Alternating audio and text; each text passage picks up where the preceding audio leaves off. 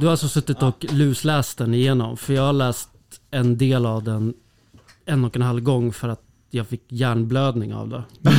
Min kära vän, jag har läst den här boken fyra gånger. Kaminter.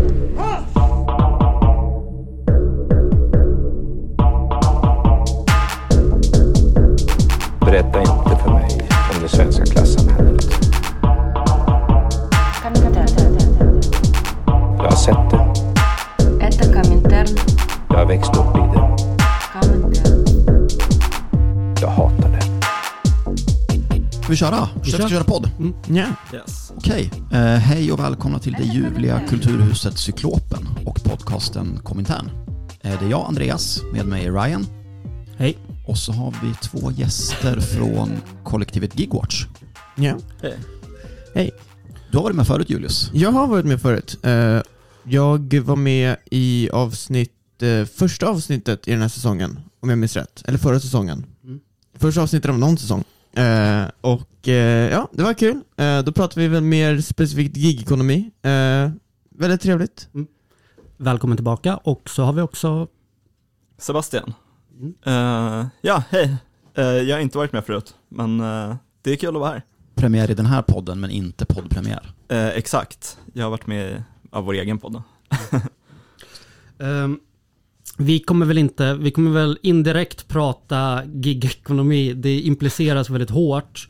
Men vi har ju läst en, eh, en liten bok, de kallar det bok i alla fall, den är på 23 sidor lång, Corona Express. Mm. vad, vad är era första intryck? Eh, Jag Ja. är klass. Jag, eh, jag har ju faktiskt suttit och gnytt framför min dator när jag har läst den här. eh, jag har fått ställa mig upp och gå ett varv och sätta mig ner och läsa om några stycken. Det här har varit en, en hemsk upplevelse. I mina anteckningar så förbannar jag er podcast. Ja, den är rätt vidrig. Det är en Det, vidrig pamflett. det, är som att, det är som att bli eh, skriken i ansiktet av en jobbcoach. Som, som, som, som, som ja, ja, det är vidrigt. Är det. Eh, vill du bara gå igenom lite snabbt, berätta om författarna, eh, Andreas? Det kan jag göra eh, och jag skulle vilja börja 1992. är ni bekanta med det mytomspunna slaget om Lycksele? Nej. Nej. Okej, det är en legendarisk eh, ideologisk konflikt, en strid mellan två falanger inom Moderata ungdomsförbundet, MUF, eh, som når sin peak under förbundsstämman i Lycksele. Eh, de konservativa har lyft fram sin kandidat, Fredrik Reinfeldt, och han kommer att besegra den nyliberala kandidaten, Ulf Kristersson. Ooh. Eh, och omgående efter att Reinfeldt har vunnit den här stora ideologiska striden så rekryterar han en helt okänd ung man som heter Per Schlingman till sekreterare i ungdomsförbundet. För i MUF är inte det en sån förtroendepost som medlemmarna väljer utan man kan rekrytera en extern, någon slags extern sekreterarkonsult.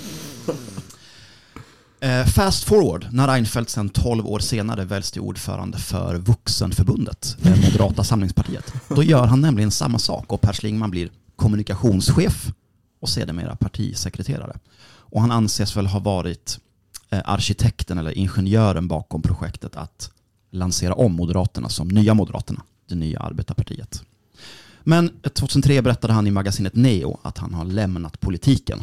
Han vill nämligen jobba med det som verkligen förändrar samhället. Företagen. Den andra författaren, medförfattaren Kjell Nordström, är ekonom och har hållit ett ganska dumt sommarprat. Har ni hört? Nej. Jag tror inte jag har hört något sommarprat på väldigt länge. Okej, Vi kommer inte klippa in det för att det är för vidrigt, men jag kommer att läsa hans öppningsrad. Plötsligt upptäckte några apor, förmodligen av en slump, att det gick alldeles utmärkt att byta grejer med varandra. Och att båda vann. Båda fick nötter och fikon istället för bara den ena. Byteshandeln skapade ökad glädje. Och den här idén har lett fram till den tanke som idag dominerar världen. Kapitalism. Är det här implicit prostitution? Eller? För jag tänker, först har den ena fikon och nötten, sen har båda fikon och nötter. För mig är det inte en handel om inte det då ökänt äldsta yrket kommer i spel. Men är inte det ett sånt sexargument också? Att så här, ah, men kollar man på schimpanser så ibland så ligger de med liksom någon för att få fördelar i flocken och sånt. Ja, men det, det, det är ett gammalt argument liksom, Ja. att det, är- det är det äldsta yrket och det är därför måste... Bä, bä, bä, bä, bä, bä. Ja. Jag klarade som ni förstår inte mer än tre minuter av Kjell Nordströms eh, sommarprat. Eh, men författarduon Kjell Nordström och Per Schlingman skrev en bok för några år sedan som hette Gud? Nej, det heter Urban Express. Urban Express och det här är väl att betrakta som någon slags uppföljare. Mm. Eh, vill ni att jag ska läsa baksidestexten till pamfletten? Ska jag börja med en inledning för att sätta stämningen? Do Gärna. it. Den här boken handlar inte om pandemin. Den handlar om vilka pandemins varaktiga effekter kan tänkas bli. Hur kan man som människa, företag och samhälle tänka och förhålla sig till de möjligheter som nu uppstår? En pandemi är trots allt inte slutet på historien. Att sätta saker i perspektiv, det var precis vad vi gjorde 2014 när boken Urban Express kom. Det gjorde vi också när vi i den boken introducerade begreppet Gud. Globalisering, urbanisering, digitalisering. Och nu kan vi till den bilden lägga en pandemi. En potent förändringskraft. Gud. p- Därför är denna boks titel självklar. Corona Express. Välkommen till den nya onormala världen. Med o inom, eh, cit, nej, inte citationstecken, inom eh, Parentes. parenteser. Det sätter verkligen tonen. Där att man ska använda ett positivt språk eh, för- att liksom eh, peppa sig själv framåt. Att man förklarar det som eh, möjligheter istället för den enorma misär som den här. Mm, Jag, eh, jag fastnade väldigt snabbt vid, eh, jag vet inte riktigt vad man kallar det, men de här citaten i början av boken, där det står vad, vad andra tycker om den här boken. Det var, det var en ganska snabb sån, eh, eh, jag fastnade väldigt snabbt och kände att här har vi något. speciellt signaturerna. Precis, signaturerna. Eh, vi har ju bland annat eh, PG Nilsson, eh, välkänd bland, jag antar, de enda människorna som skulle läsa den här boken. Eh, Andra inspirationsföreläsare. ja, precis. Han är då styrelseordförande för Svenska Brasserier, eh, vilket är då Stureplansgruppen. Alla restauranger på Stureplan är ägds av honom. Så om man åker till Stureplan och funderar på, hmm, var ska jag gå någonstans med min fria vilja? Eh, då går man till honom. Herregud. Men i stora drag så handlar den här boken alltså om vilka är konsekvenserna utav corona? Hur kommer näringslivet vara tvungna att förhålla sig till det? Och de har ju en grund, alltså en övergripande idén här är avglobalisering. Alltså att vi kommer arbeta, verka mer lokalt. Det är polarisering, men det är en väldigt speciell definition av begreppet polarisering. Vi pratar inte eh, motsättningar mellan eh, olika politiska grupper, utan det är polariseringen mellan de enormt rika och de enormt fattiga. eh, och eh, digitalisering då, som Mm. det är deras specialitet. Att eh, samhället kommer i stort digitaliseras mer och mer och det innebär att arbetsplatserna, kontor, eh, ja men vad det nu kan vara, säkert utbildning och sånt kommer flyttas mer till hemmen, att folk gör det på distans och eh, ja, eh, helt enkelt. Och de har massa eh, dystopiska, fast i deras eh, ögon rätt, rätt, vad heter det, utopiska Mm. bilder av hur det här kommer vara. Vill du fortsätta med citaten? Jag fortsätter Ja. jättegärna med citaten. Jag tyckte det var in- intressant, jag fastnade inte för det här först. Men sen när jag läste det andra gången så ser jag här att marknadschefen på Diös fastigheter eh, har med en av citaten. Och Diös fastigheter nämns i den här boken som ett sånt framtidstänkande och sorts liksom eh, urbaniserat, eh, digitaliserat, eh, bra företag. Eh, så ja, det var intressant att, att gå igenom citaten igen och tänka att men där, där har vi tjänster och gentjänster. Eh, och sen så har vi ju eh, en person som har blivit ganska känd i, i Stockholmspolitiken, Anna König Järmyr. Eh, och hon är ju en... Eh, hur, hur, hur grov får man vara på den här podcasten? Jag kommer inte ihåg från senast. Man får vara hur grov Ganska som helst. hon är ju en sartkärring. Hon är ju en ragata. Hon är, hon är den värsta, värsta sorters pack man kan vara. Eh, hon, eh, hon har ju rensat ut sitt, eh, alla som jobbar för henne typ tre gånger om. Det är typ, jag tror att det är kanske en, två personer som jobbar kvar för henne från början. Och de andra typ 12 till 15 positionerna har bara roterats. Eh, för att folk blir bara mobbade och utslängda av inga anledningar och hon har hållit på och Och hon mobbar moderater. Eh, hon, okej vet du vad? Jag har lite sympati för henne för att hon, mo- hon mobbar kommuntjänstemän. Vilket, Kritiskt stöd. ja, jag, det, jag har lite av ett ömt hjärta. Men hon, hon är fortfarande moderat. Eh, jag, jag, i, mitt, I mitt huvud, för att må bättre om att hata henne, så tänker jag att det är små gulliga sossetanter som hon mobbar. Och hon har ju även undanhållit massa grejer från journalister och eh, hållit på och försökt gräva i källor och massa andra väldigt olagliga saker, eh, mer än att bara vara en taskig person. Eh, och eh, hon har ju varit i verkligen spetsen av Stockholms sorts eh, liksom nyliberalisering och allt från elsparkcyklar till eh, fastighetsmarknaden till ja, you name it. Är, hon, hon är hon är den största drivkraften i, i Stockholmsregionen. Eh, så att, ja, det är kul att hon är här. Hon gillar allt som är dåligt, inklusive den här boken. Ja. Hon är Guds sändebud. Hon är, hon är Gud, Gud 2s sändebud. Vi har här en uppföljare, längt, väldigt länge efterlängtad. Eh, vi har även, det här, det här kanske inte är en jättestor grej, jag bara tyckte det var en väldigt kul grej att vi har VDn för Coop Gotland. Men det säger någonting om den här bokens genomslagskraft. För att den är ju inte recenserad någonstans till exempel. Här Hur är, många Coop kan det finnas på Gotland? Det här har vi, nej nej nej, han är ju bara butikschef. men det är ju ett tecken också på att de, att de har tagit alla personer som någonsin har pratat om den här boken och fyllt det. Det är eh, 100% så. Ja. Men det, det du berättar, det, det säger så jävla mycket också om, om jag tänker så här, skillnaden mellan Göteborg och Stockholm. Eh, jag, har ni hört talas om korruptionsskandalen i Göteborg? När eh, kommunen åkte dit, sossarna, för att de typ hade så här, använt kommunala byggbolag till att installera kylskåp och sånt åt dem. Det var liksom den största korruptionsskandalen Göteborg har haft. Och de hade inte bara metaforiskt, utan de hade rent bokstavligt gjort uppgörelserna i en bastu. Men- så kommer man liksom till Stockholm där det liksom bokstavligen är ödlemänniskor som styr och, bara, alltså, och verkligen bryter sönder allting och inte skäms över det överhuvudtaget. Nej.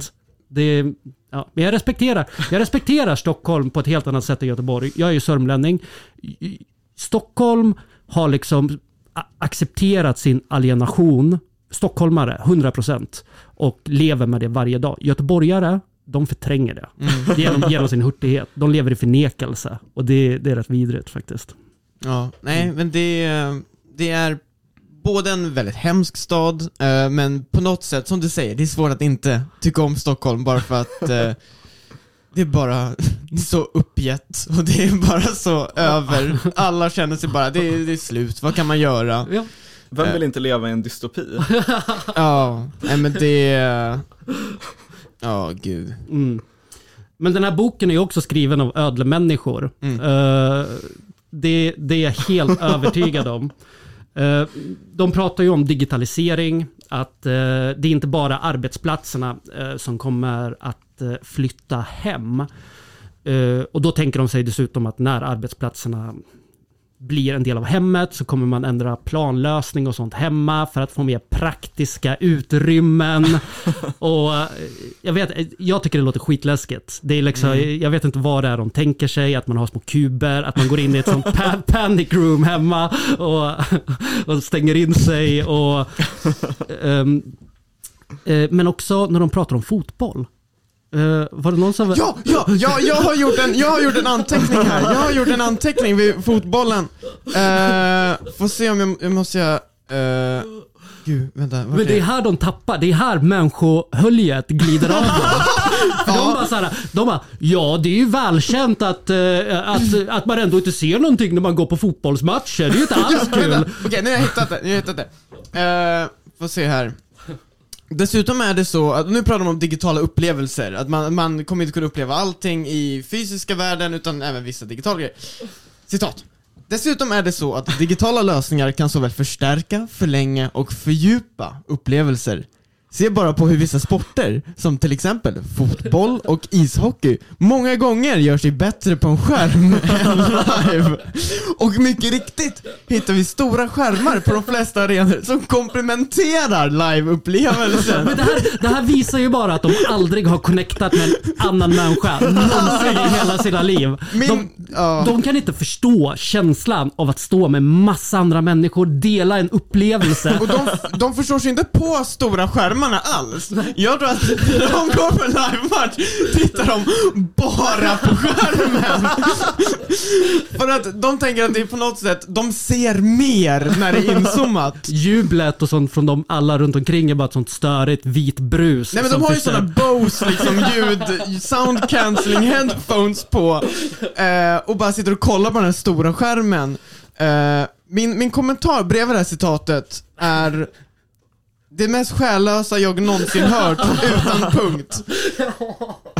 Ja, det, det, det, är skit, det är skitäckligt. Men alltså, nu blir det lite så här um, konstig struktur på det kanske, men jag har tänkt på det här med hemarbete och sånt. Att det de pratar om är ju, alltså det är en väldigt ytlig bok generellt sett. Att den är väldigt generell och de gör väl inga anspråk heller på att det ska vara en djupdykande bok, utan det här är ju en peppig, det här är ju någonting så att man ska kunna få föreläsningspengar när man åker runt till olika näringslivsgig och sånt. Sådana vaga framtidsspaningar. Ja, väldigt, väldigt vaga. Eh, men om man ska föreställa sig en hel, en hel liksom omsocialisering av arbete där alla människor jobbar hemifrån så kanske det vore intressant att veta hur chefer kommer förhålla sig till, hur kommer chefer kontrollera att deras arbetare faktiskt arbetar? Hur kommer den typen av övervakning se ut? Kommer de kolla skärmtid? Kommer de eh, ha liksom anställa folk som sitter och kollar på en webcam så att alla sitter framför datorn? Eller hur kommer de kunna upprätta... För att det finns ju en besatthet av att folk ska arbeta konstant när de är på sin arbetsplats. Verkligen, liksom. de, de samlyssnar, ifall man jobbar i kundservice så sitter det personer och i princip bara är anställda på att eh, lyssna av folk och kolla att de gör sitt arbete och inte sitter Mm. tysta i micken och sånt. Eh, jag vet inte om det jag tänkt på något av det. Nej men, eh, jag läste någonstans att eh, typ efterfrågan på sådana här övervakningsprogram eh, program typ till, eh, ja men att övervaka folk som jobbar på datorer på distans har typ ökat med flera hundra procent sedan början på corona liksom. För det är klart att folk vill liksom se till att typ de anställda inte vänder sitter och maskar när de är hemma liksom, som man vill göra såklart. Mm. Ehm, men eh, ja, det är liksom, man får väl sitta i sin jävla garderob med en dator och eh, bli avlyssnad av uh, Gestapo liksom. De, de pratar ju om, eh, just med arbetsplats och så, att de inte ska ha ett jobb. De pratar ju om sådana coworking spaces, eh, som har ju försökt att bli en grej i många storstäder. Eh, och det är ju ett kontor utan ett företag. Det är, det är ju att man bara går dit och sätter sig och jobbar, som, som en sorts eh, kontorsnissedagis. Eh, och eh, då har de Vissa har pingpongbord, vissa har kanske kaffemaskiner, och, eller jag tror de flesta har kaffemaskiner, men det är i alla fall som en sorts, en sorts neutral arena. Och det kostar ju såklart typ 1000 spänn i månaden, 2000 spänn i månaden. För den som jobbar. Ja. Eh, och det här är ju någonting de säger kommer bli en, en stor ny grej. Att folk kommer att, vilket, så de ska jobba på distans genom att gå till en, till en kontorsyta med andra arbetare. Det är ett jävla internetcafé, kan vi säga ordet? Det är, det är ett internetcafé. Café. Men, men vadå? vadå? Då kommer ju folk få corona ändå. Ja. Ja. Ja. De kommer bara betala för att få det. Ja, men vet du, vet du vad, det, skönheten är det hela. Företaget behöver inte betala någon hyra. För, Yes! Företaget kan bara säga, ni får inte jobba hemma för att, jag vet inte, eller de, jag, jag, jag kan inte ens förstå varför de tänker att någon frivilligt skulle gå till, så, till en sån här ställe. För att man inte har typ plats hemma för att man bor i en eh, garderob i Stockholms innerstad. Ja precis, som man har två barn som springer omkring som, som galningar för att de inte kan gå till skolan för att de blir Man kan- dödssjuka. Man kan ha datorn typ ihopfälld, men om man fäller ut den så får man inte plats. Ah, yes. Man får ligga under täcket liksom i sin laptop och försöka knappra. Men alltså de vidrör, det är så många saker de snuddar vid men aldrig riktigt utforskar. De pratar också om um, e-handeln kommer öka, det Ja. ser man redan nu, och butiksstängning. Men de förklarar liksom inte hur en sån stadsbild kommer se ut. eh, De, de säger att det kommer vara, för de pratar ju om att många moderna städer pratar om promenadsträckor och sånt. Att, att, att man, man ska gå överallt. Och att man då kommer kunna gå runt i framtida städer, vilket man inte kan nu. Wow. Eh, Men det här, det här vidrör ju det. Det här, är ju, det här är ju exakt som den här Saudi-grejen, att man ska bygga den här 15 minuters staden. den här vad är 15 minuters nej men nej, det är Paris.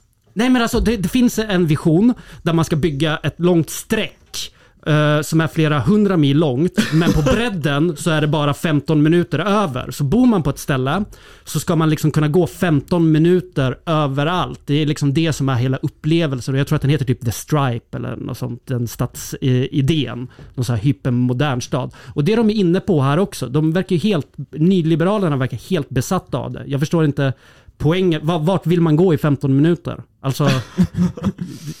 ja. Nej, jag fattar inte. Det låter värdelöst. Ja, det låter Jag vill inte bo i en skittråkigt. jävla stripe. Vad är det i öknen? Nej men det, känns- det, det är ju såhär, vadå, så, och då antar jag i The Stripe att det finns ingenting längre än 15 minuter bort som är värt att se. Det, det, det, det, det finns inga, det finns inga liksom distinkta stadsdelar, det finns inga speciella, utan det är bara liksom sorts färdigbyggda blocks på, Ja, ja, fem, på 15 absolut. minuter radius Det är ju- som Öh. placeras i ett är det som är, en, det är en stad fast man bara plattat ut den! Jag tänker att det är en sån eh, Judge Dredd-mur. Och sen är det bara sånt ödelandskap utanför som ingen vill titta men det är på. som, ändå. förlåt. Nej, säg, säg. Har ni varit i den där äckliga staden utanför Malmö? Som heter Jakriborg? den ligger typ mellan Malmö och Lund. Och så är det liksom, jag, jag var typ på väg från någon fest som jag hade varit på i Lund till Malmö, eller någonting liknande. Och så gick jag av där för att jag hade tråkigt. Och gick runt lite där. Och det, de har byggt upp liksom en medeltidsstad typ.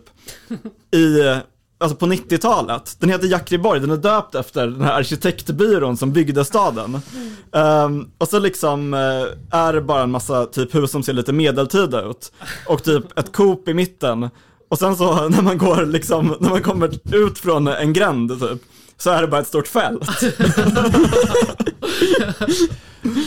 Tyvärr då för er, Julius och Sebastian, så enligt Schlingman och Nordström så är det här helt självständiga, neutrala, autonoma processer. Nu kommer alla städer bara bli det strip. Det finns ingenting vi kan göra åt det.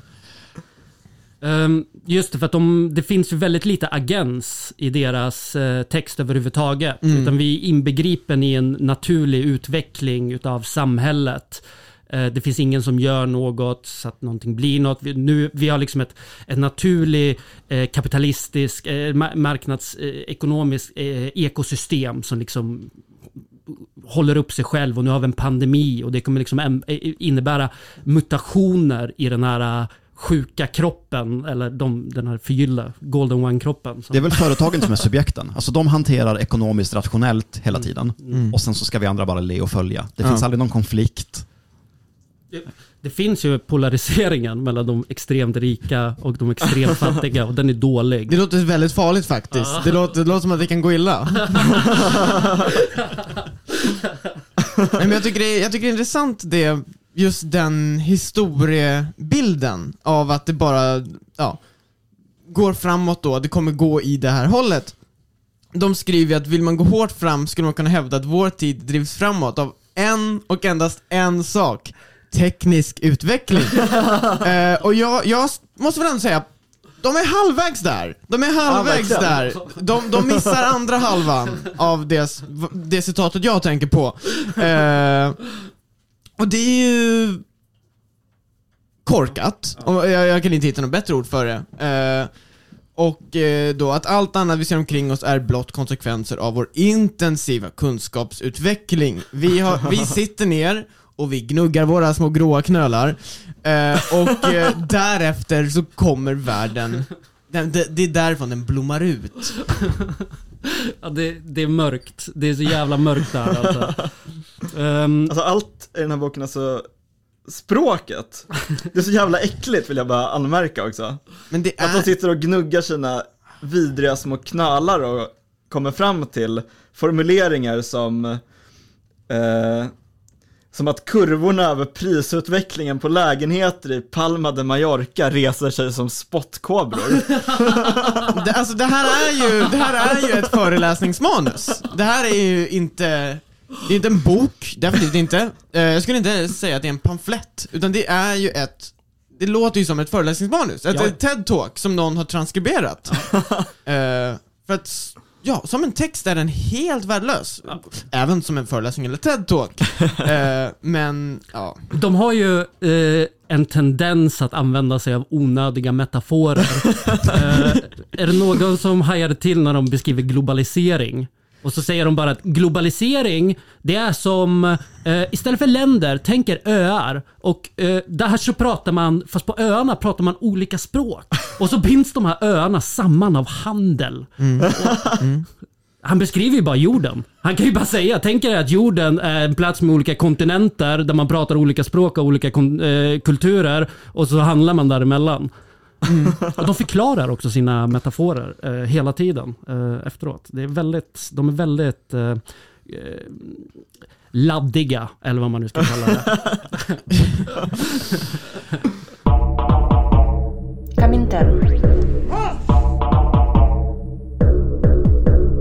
Jag kan väl börja med att prata om eh, deras, eh, för de, som alla sorts eh, nyliberala jävla föreläsningsmähän så blandar de ju in evolutionär psykologi i det här också.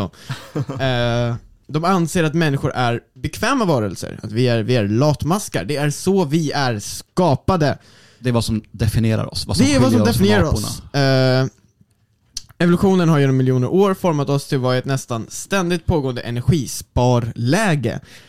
Eh, vi, vi har då varit på en kanske 10-procentig kapacitet hela den här tiden. Eh, det är också den främsta förklaringen till vår dokumenterade motvilja mot förändring. Att vi är lata. Eh, blott under yttersta press lägger vi i en högre växel eller prövar nytt. Eh, jag, jag tror att även de mest korkade evolutionära psykologerna, vilket är ju också någonting som inte finns, det är ju en pseudo grej men även där så har de ändå mer vett än så här. Tanken att människan ska definieras av lathet är det är ju som att man har suttit ner och försökt komma på det mest korkade man kan komma på.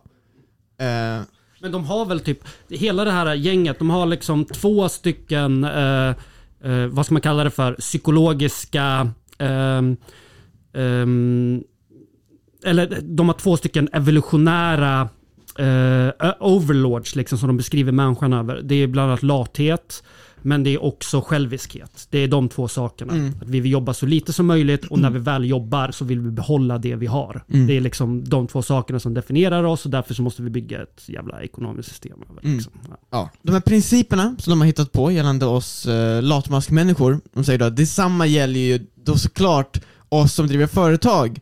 Säger inte människor som driver företag, oss som driver företag. Tolka av det hur ni vill. Eh, de, de säkrar deras produktionskedjor, digitaliserar fler processer än någonsin och anpassar våra erbjudanden efter kunderna så som de agerar under pandemin. Så de säger då alltså att företagen är, eh, ja, de, de har blivit då hårt pressade, vilket man måste, eh, alla har ju blivit hårt pressade under den här pandemin, att göra förändringar och så vidare. Eh, men att uppfatta det som la, alltså att, att, att definitionen av människan är att vi är så lata att vi ändrar bara på oss när vi måste ändra på oss. Eh, då tar man inte riktigt i aktning det som har fått oss att ändra på oss, vilket kan ju ha varit egentligen ingenting alls. Om man tänker de som gick över isen på mil, alltså, tusentals år sedan med Av ren lättja. Av ren lättja, av ren lathet bestämde de sig för att generation efter generation försöka gå över ett hav tills de till slut lyckades. Det skriker för mig lathet och ouppskattning för Afrikas bördiga mylla. Eh, det är, eh, ja, det är lathet för mig. Eh, sen alla, alla pyramiderna, lathet. Det är också lathet att gå ut och skörda sin fucking jävla åker istället för att gå ut och... Innovera. Ja, inno- vad, heter det? Innovera? Ja, Inno- det är ett vidrigt verb. Jag vill inte lära mig det. Nej, det är ju det är väldigt genomskinlig ideologi. Det, är, ju- det, det kommer ju också vara ett sätt i och med att vi gör den här, tvingas till den här förändringen nu så innebär, implicerar det också att vi inte kommer vilja ändras tillbaka efteråt. För att när vi väl är i det här nya lata modet av postpandemi så är vi där för att stanna helt enkelt. Vi vill se fotbollen i eh, HD. Precis, det är så. Nu har ju en ny rutin satt sig. Mm. Eh, så då tänker de att, precis som du säger, den kommer inte rubbas. Mm. Nu, nu är distansarbete och eh, allt jävla skit som har hänt. Eh, vi, vi är helt enkelt för lata.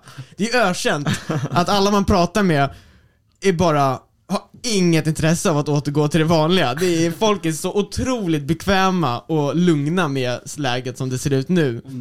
Men det säger någonting också om, alltså det säger inte bara om deras ideologi utan vilka de här två personerna är. Att det här är ju också någon slags form av prata om sig själv i tredje person. Alltså jag köper att de är lata. Jag köper att alla rika människor är lata. Absolut. Inga som helst problem. Och att de vägrar ändra. Alltså det är jobbigt att de vägrar säga vi vill inte ändra på oss. Det är för att de fortfarande vill typ kunna tycka att, att invandrare är lata och, Mm. och att homosexualitet är onaturligt eller vad det nu är. Liksom. Det finns en biologisk förklaring till det, evolutionär. Ja men alltså, bara en lat person skulle kalla det här en bok. Eller, eller, ens, eller, eller, ens, eller ens försöka få den publicerad. Har vi sagt att den är 23 sidor lång? Ja, jag tror det. jag tror vi måste säga att den är tre sidor lång. Ehm, Jag kan tyvärr meddela också att hela bokens tillkomst har dokumenterats via en Instagram-profil som heter Corona Express, vilken vi givetvis kommer tagga i det här avsnittet. nej. Eh, har ni tänkt på att de använder uttrycket att hänga väldigt mycket? boken? Ja, Vilket ja. är äckligt för att det här är två eh, Gubbar. gubbar. Ja, ja. Och gubbar bör inte uttrycka sig som att de hänger så mycket. Men titta på de bilderna, de hänger. Mm. De har hängt 23 gånger och ordbajsat ihop varsin Mm. sida. Usla metaforer. De är grabbar. Det är, det är... Lek och häng kommer vara minst lika viktigt imorgon som idag.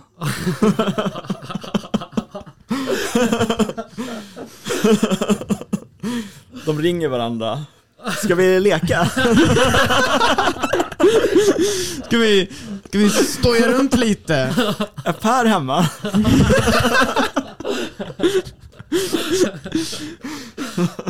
Usch. Ehm, Den är fruktansvärd alltså. Ska vi röra oss vidare? Vad, vilket, eh, Sebastian, vilken Ja. del eh, var det du var tvungen att blöda dig igenom? Ja, vad fan hette den? Ehm, omvandling av våra städer. Eh, och ehm, jag vet inte, jag tycker, att, jag tycker att de snackar om samma sak i varje kapitel i den här boken. De bara liksom, Det är helt sant. ja, Den hade kunnat vara tre sidor. exakt. Den hade, kunnat vara, den hade kunnat vara typ den, den baksidestexten. Men, ja, precis.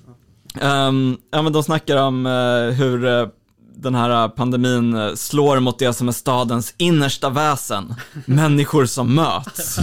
Och det är väldigt mycket om det här med att människor vill vara nära varandra och att städerna finns därför. Och de här apmetaforerna kommer tillbaka. Ehm, om vi hade varit den rädda sortens apa hade vi lämnat byar och städer för länge sedan. Ehm, och eh, jag vet, alltså de, ehm, de säger väl så här eh, att typ, ah, det kommer vara mindre butiker, eh, det kommer vara mer eh, e-handel och sånt. Och de har väl inte fel liksom. Det är ingen Eh. jättevågad spaning heller. Nej, precis. Det är så jävla... Det här är ju saker man har hört skitmånga gånger förut. Eh, och eh, alla kommer åka Voi och sånt där. Och sen snackar de om det här med typ, de eh, myntar ett begrepp som då ska beskriva städerna i framtiden. som är fäbodifiering. Ja. Men att de pratar så mycket om apor, är inte det också ett tecken på att det rör sig om ödlemänniskor som Jo. pratar om ett studie, studieobjekt? men Liksom, de- forskningsobjekt. De, de, upp, de uppfattar ju tiden annorlunda, så de har ju bara kvar sina dokument från liksom så här 5000 år sedan. Men det fan, vi borde ha uppdaterat de här, men nu måste vi, vi måste skriva den här boken nu. Aporna har börjat fäbodifieras.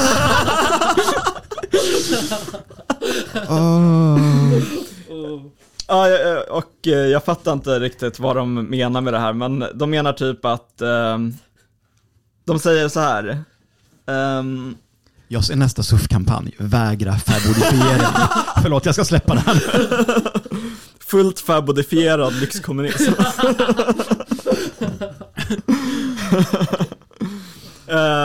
Och det handlar om att eh, i deras ord så söker vi våra rötter och den kunskap och erfarenhet som våra händer kan bidra med.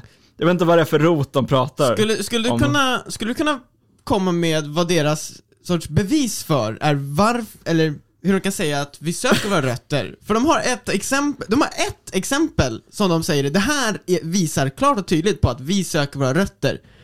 Kan du säga vad det är för, för bevis de har? Jag tror att det är deras studier av den mänskliga rasen. Nej, nej, det är, eh, och det här är då deras enda exempel på att folk vill söka sig tillbaka. Hasselbackspotatis! I, den största receptsökningen på ICA, eller ICA kom ut och sa att det recept som folk mest har sökt på under pandemin är hasselbackspotatis. Det här är deras grundsten för att folk vill ha denna fäbodifiering. Just det. Är inte det bara för att typ en massa så här villapappor har låst in sig med eh, så här 100 kilo potatis och 5 kilo ströbröd? Ja men folk börjar utforska nu när de är hemma så börjar de laga, vad fan är det, vad heter det, husmanskost igen, jada jada jada. Det, ja. Alltså det är en jävligt weak take. Roots. Ja, verkligen. Jag tycker bara det låter som att de pratar om att runka typ. Vi söker våra rötter och den kunskap och erfarenhet som våra händer kan bidra med. Förlåt, men Per Schlingman har inte gjort ett hederligt arbete med sina händer. Ödlor har kloaker också, glöm inte det. Eh, nej men de, de säger att om man köper en kycklingfilé så vill man se bilder på bönderna som har fått upp just den kycklingen. Jag vet inte, Men det här är det ju bara... känns svagt. men- men Underlaget känns Det här är bara svagt. såhär typ eh, PR-undersökningar, att de har kommit fram att så här, folk reagerar bättre om de ser en, en bonde på ett Ja. paket potatis. Det betyder inte att vi vill bli bönder, att vi ser bonden på potatispaketet och tänker åh, De, det är om att det de där är, bara vore jag. de är bara sponsrade av någon bonde som gillar att ta selfies typ. Så de måste Nej men in de, det är Coop Gotland! Det är Coop Gotland! Eh, och eh, ja men sen så är det gigekonomi och eh, de upptäcker att nu kommer det komma någonting som kallas för den ofrivilliga gigekonomin. Ja, precis! Till skillnad från den numera väldigt frivilliga gigekonomin. Och det Där här man är ju alltså ert inte studieområde bara- nå- någonstans. Ja. Det här är ju ert studieområde. Ja, precis. Ehm, men de menar att nu kommer man inte bara delta i gigekonomin för att man vill hjälpa eh, folk i Täby att köra en eh, byrå till soptippen, eh, utan för att man faktiskt behöver pengar. Exakt. Eh, och ehm, det är en radikal eh, spaning från... Ja precis, eh, att, att eh, i framtiden, inte nu, men i framtiden så kommer folk behöva jobba prekärt. Folk kommer behöva jobba inom en sorts eh, osäker anställningsform och så vidare. Det gör jag själv nu, när man bara går ner till varvet och ber om ett jobb. Men är inte det här också den textens enda faktiskt ärliga spaning? All, ifall man kollar på det. Att det, det är inbakat i, all, i alla de här återupprepningarna, nästan det här mantrat av ah, globalisering bla bla bla och så helt plötsligt dyker den här saken in, det ofrivilliga gigarbetet. mm. Och det är, det är väl det jag håller med, alltså det är ju en, det är en det är en tautologi att säga det ofrivilliga gigarbetet. Det är jättedumt, men de har rätt. Det är det, är Ja, så, verkligen. det är det det kommer gå åt. Ja. verkligen. Det, det, är en, eh, det är en mask-off-bok, lite. Ja. Men det, men Men- det, ja. Men det, det jag inte fattar är liksom, dels har de det här med att människor är lata, och dels tror de att gigekonomin har fungerat helt frivilligt, utan att det har funnits några ekonomiska incitament bakom det. Att folk bara har, ja men eh, jag är lat så jag åker och kör ut eh, lite skit i soptippen. Nej men de, de skriver ju här att numera så vill ju folk hellre ha flexibilitet än att kunna åka jorden runt, vilket jag tolkar som bra lön eller något sånt statusyrke.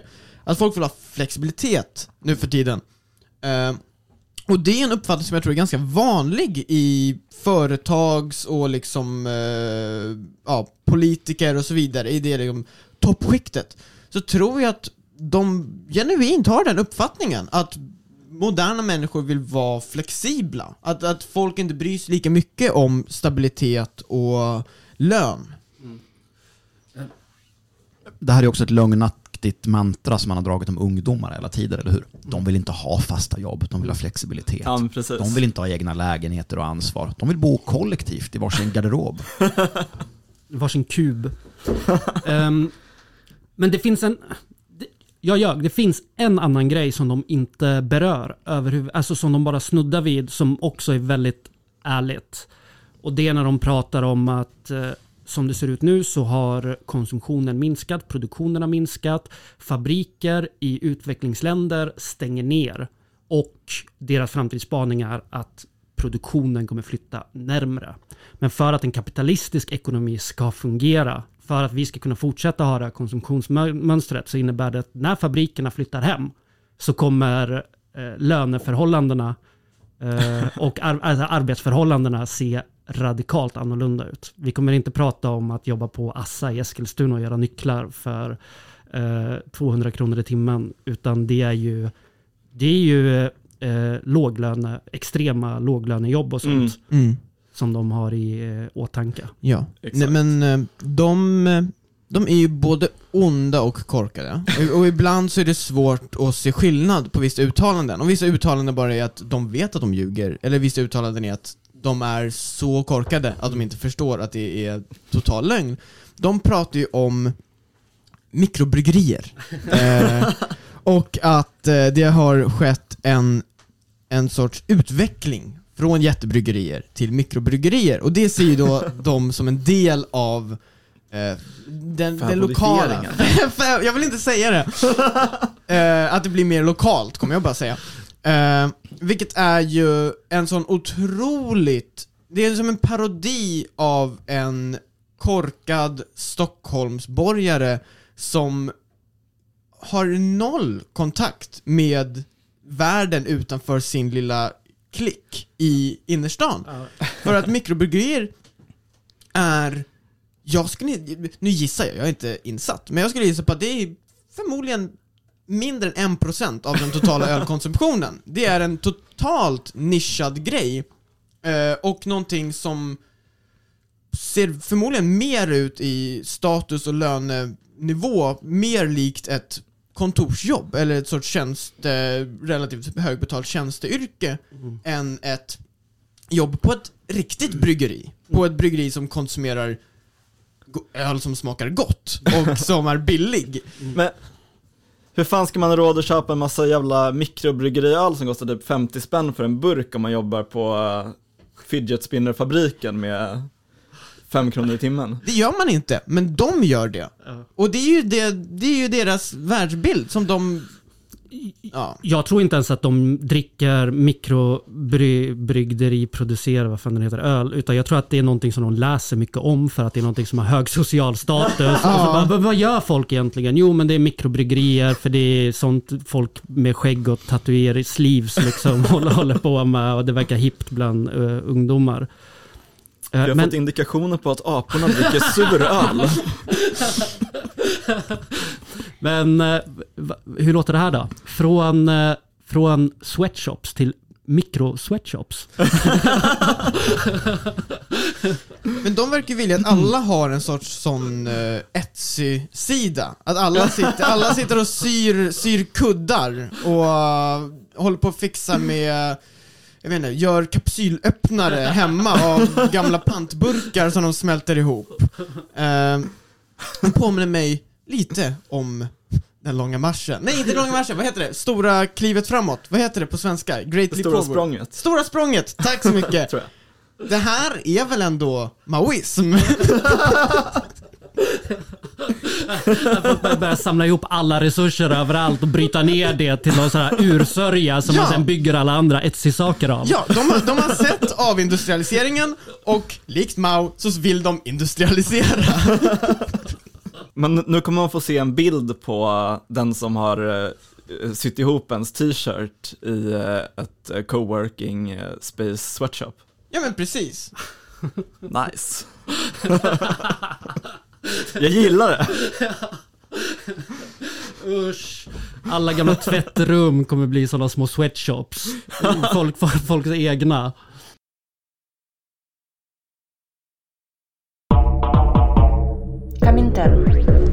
Några fler spännande spaningar från, eh, från ditt kapitel Sebastian? Jag vet inte fan om jag hade något mer där. Det är bara en massa snack. Mm. Eh, det är intressant om vi... Eh, eh, nu har jag sagt allt om digitalisering, så vi bara hoppar mig sen. Men förutom en grej, apropå mikrobryggerier. Digital whiskyprovning. Jag har faktiskt, jag har faktiskt stött på det här. Jag, jag var på systemet och så hörde jag hur någon pratade med en av personalen och letade efter en viss, jag tror inte det var whisky, jag tror att det var no, no, någonting som de skulle ha onlineprovning. Eh, vilket komiskt nog inte fanns i, det, i den systembolaget. Eh, Respekt. Ja, eh, men jag, eh, de hade också slut på Solbacka tyvärr. Eh, Men vad heter det, jag mådde verkligen dåligt av att höra den här konversationen.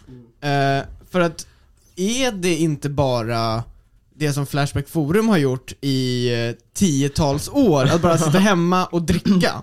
Eh, Tripprapportera. Ja, precis! Ja. Precis! Ja, det, är- det är avskyvärt. Men jag vet inte riktigt hur... Alltså jag vet inte vad som går igenom deras huvuden när de skriver det här. Hur de tänker sig att alla sitter vid sådana stora massiva ek träskrivbord med sina vita fina apples och de har sina whiskyglas framför sig. Att det finns någon sån här gemytlighet kring allting. De kan inte tänka sig att det också är helt knäpptyst. I, där man sitter, eh, förutom datorn som surrar. och att det är liksom, deras barn har flytt för länge sedan. De sitter där ensamma med sin digitala whiskyprovning. En, Det, ja, en väldigt, väldigt uttråkad självkallad whiskyexpert som säger ja, glas tre nu. Eh, och så sitter man bara där. Och, ja. men de fattar ju inte heller att hela den här whiskyprovargrejen är att samtidigt som whiskyprovaren står och snackar så står två män och viskar till varandra och bara, Åh, så jag drack så jävla bra whisky en gång när jag var på bla bla bla bla bla. Att det är eh, hela den här skrytdelen, Ja. den här eh, mask- uttrycket för maskulinitet som liksom, som, vad heter det? Im, bli impotent av, av, av eh, digitaliseringen. För alla blir bara, alla låter som jag, som nasala eh, idioter liksom på, över liksom Skype. Ja, nej, alltså det... Som, som ni sa, alltså det här är en sån mörk, mörk dystopi som de bara glatt trallar oss igenom här i, i den här texten. De har missat grabbperspektivet. De har, miss, de har glömt grabbarna. Helt sant. De har glömt människor. De har glömt de mellanmänskliga relationerna. Ja, ja. De har glömt att vi är levande varelser med behov, eh, med känslor, med ett hjärta, med varmt blod. Det har de definitivt glömt, varmt blod. Jag, jag googlade precis och ödlor kan konsumera alkohol, så det finns möjligt att de, att de har druckit någon mikrobryggeriöl någon gång. Men har ni någon gång sett reklam eller klipp på den här eh, uppfinningen som är någon slags distanskyssmaskin? Alltså att du, du kysser någon slags munformad konsol och sen så då tungan hos mottagaren. Jag har en tunga hemma hos mig och Ryan har en hemma hos sig. Och när jag rör tungan så kommer tungan hemma hos Ryan att röra sig på samma sätt. Har ni sett den och undrat vem i hela världen skulle vilja byta ut den blöta mänskliga varma kyssen mot den här digi- perversa digitala kyssen? Och Per Schlingmann är ju svaret.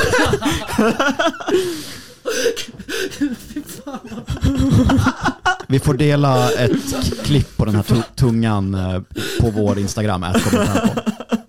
Är det som en sån där Tom Titt-grej som man stoppar handen och så kan man se liksom att det kommer ut spikar och sånt på andra? Alltså att det blir så här märken kvar. Eh, ja, fast de spikarna sticker ut då någon annanstans i världen. Jag blev ledsen nu. Ja. Ja. Per Schlingman blir kåt. Ja, gud. Har du något mer Sebastian? Eh, nej, jag tror inte det. Vi hoppar mig. Eh, jag har läst kapitlet Tre nya urbana lagar och jag kommer fatta mig ganska kort. Vi har varit inne på allt i stort sett. Eh, ny urban lag nummer ett. Tiden blir mer flytande. Wow. Det här har ni snackat om redan. Fler och fler arbetar hemma. Yrken gigifieras. Digitala hjälpmedel gör just att du är tillgänglig för jobbet dygnet runt också. Och vad som sker är att arbetstid och fritid blir mer flytande. Men oroa er inte, för så här skriver författarna. Naturligtvis finns dåtid, samtid och framtid kvar.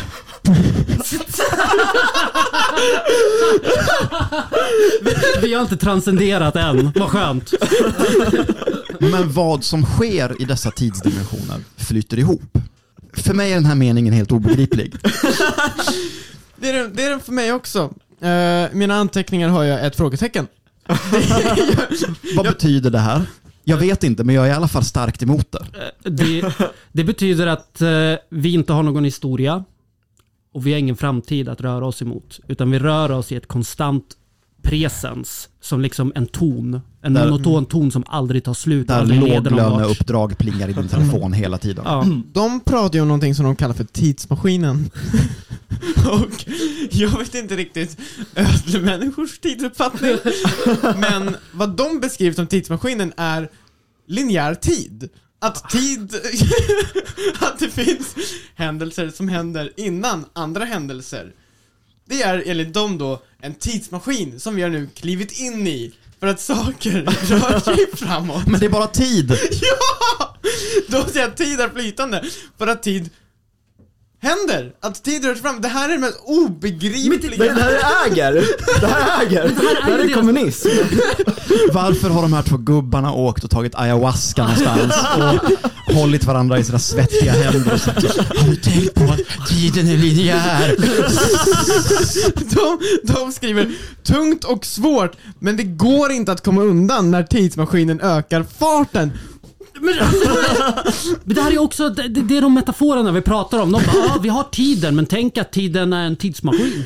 Ja, men alltså, och när de menar att tidsmaskinen ökar farten, då menar de ju såklart inte att tiden går snabbare. Det är ju att sak, mer saker händer än vad som hände tidigare. Och deras då hjärnor uppfattar det här som att tiden plötsligt rör sig mycket snabbare. Eh, och att vi måste antingen fokusera på nuet eller ta klivet i framtiden. Eh, jag vill gärna veta hur man gör det här valet. Jag vill stanna i nuet. Eh, Men de säger samtidigt att det inte går för att allting flyter samman till den här grå sörjan Mm. av ja, Av icke-tid. flytande tid. Det var det om tid. Eh, urba, ny urban lag nummer två. Världen blir hybrid. För det är inte bara tid, det är även rum som kommer att suddas ut. Den naturliga platsen för särskilda aktiviteter suddas ut. Arbete, fritid, skola. Men författarna skriver, för oss användare blir detta en fest. Användare? Användare av vad då? Användare av mänsklig arbetskraft, antar jag är vad som åsyftas. För jag tycker inte att det låter som någon fest. The user 1001 has logged on to life. Ny urban lag 3. Det onormala är det nya normala. Eh, Den lagen börjar med påståendet Psykologerna är eniga om en sak. Det är ett lite svepande påstående, vilket får mig att tänka på, minns ni eh, den klassiska tv-intervjun? Eh, Jag tror att det är en ung moderat va, som säger enligt sociologer. ja du, ja du. Eh, Är Tor eller Ryan eller vem som klipper det här? Klipp in det klippet här. Men eh, media har ju drivit upp det här att det här handlar om en överklassskola, så kallad. Eh, nu vet jag inte om vi har några klasskillnader Känner ni till, eh, Kübler-Ross-modellen? Nej. En psykologisk term. Sorgens fem faser. Ja, ja, det gör man. Förnekelse. Ilska, förhandling, Förhandling, depression, acceptans. acceptans. Ah. De har ju bara hoppat till acceptans. det här är, hela den här boken är någon slags framstegsoptimistisk liberal porr. Den är som Peter Freys utmärkta Fyra framtider, fast det är fyra dystopier som har flutit ihop. Och avslutningsvis vill jag bara säga att den här boken borde ha varit en Facebook-status och ingenting mer. Ja.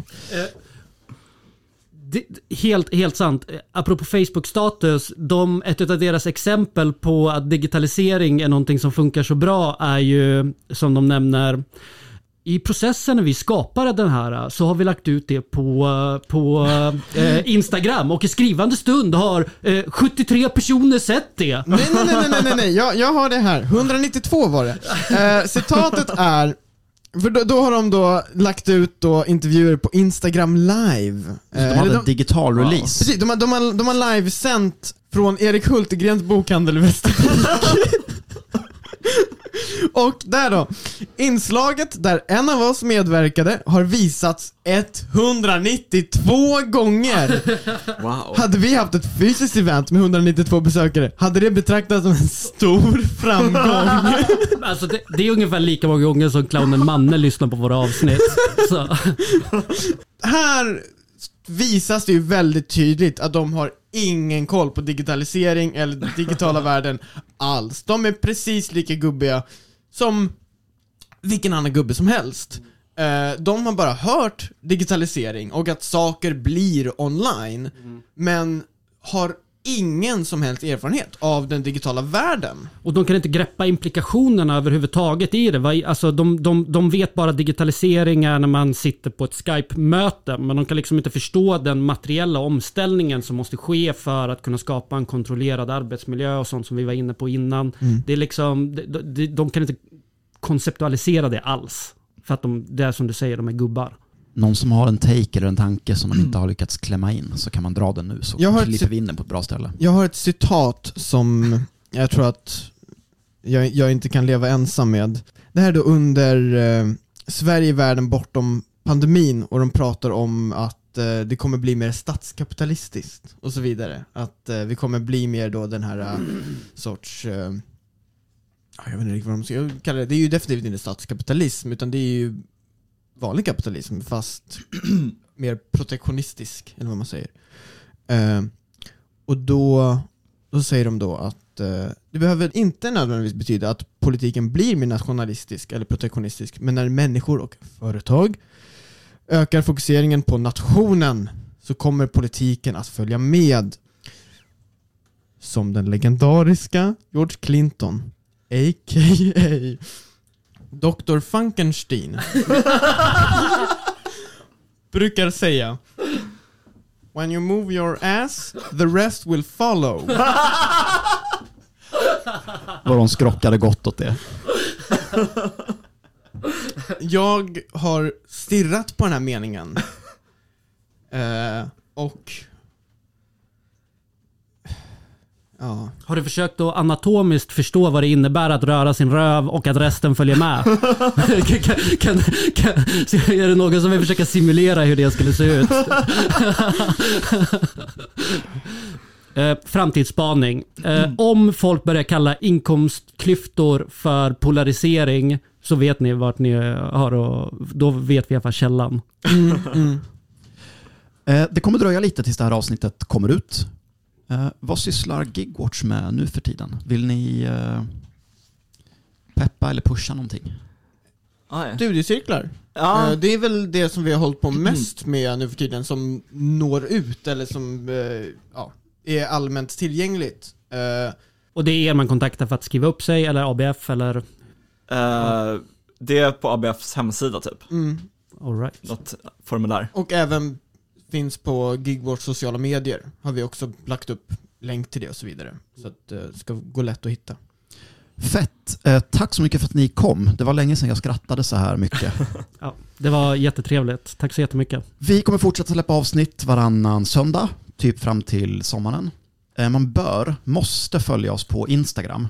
För att det är så patetiskt få som följer oss där jämfört med hur många som lyssnar. Är det mer än 192?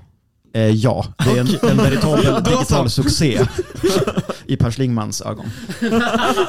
Det i hans ögon motsvarar mer än 192 pers som bor hos er och som, Kan eh, ödlor kallsvettas?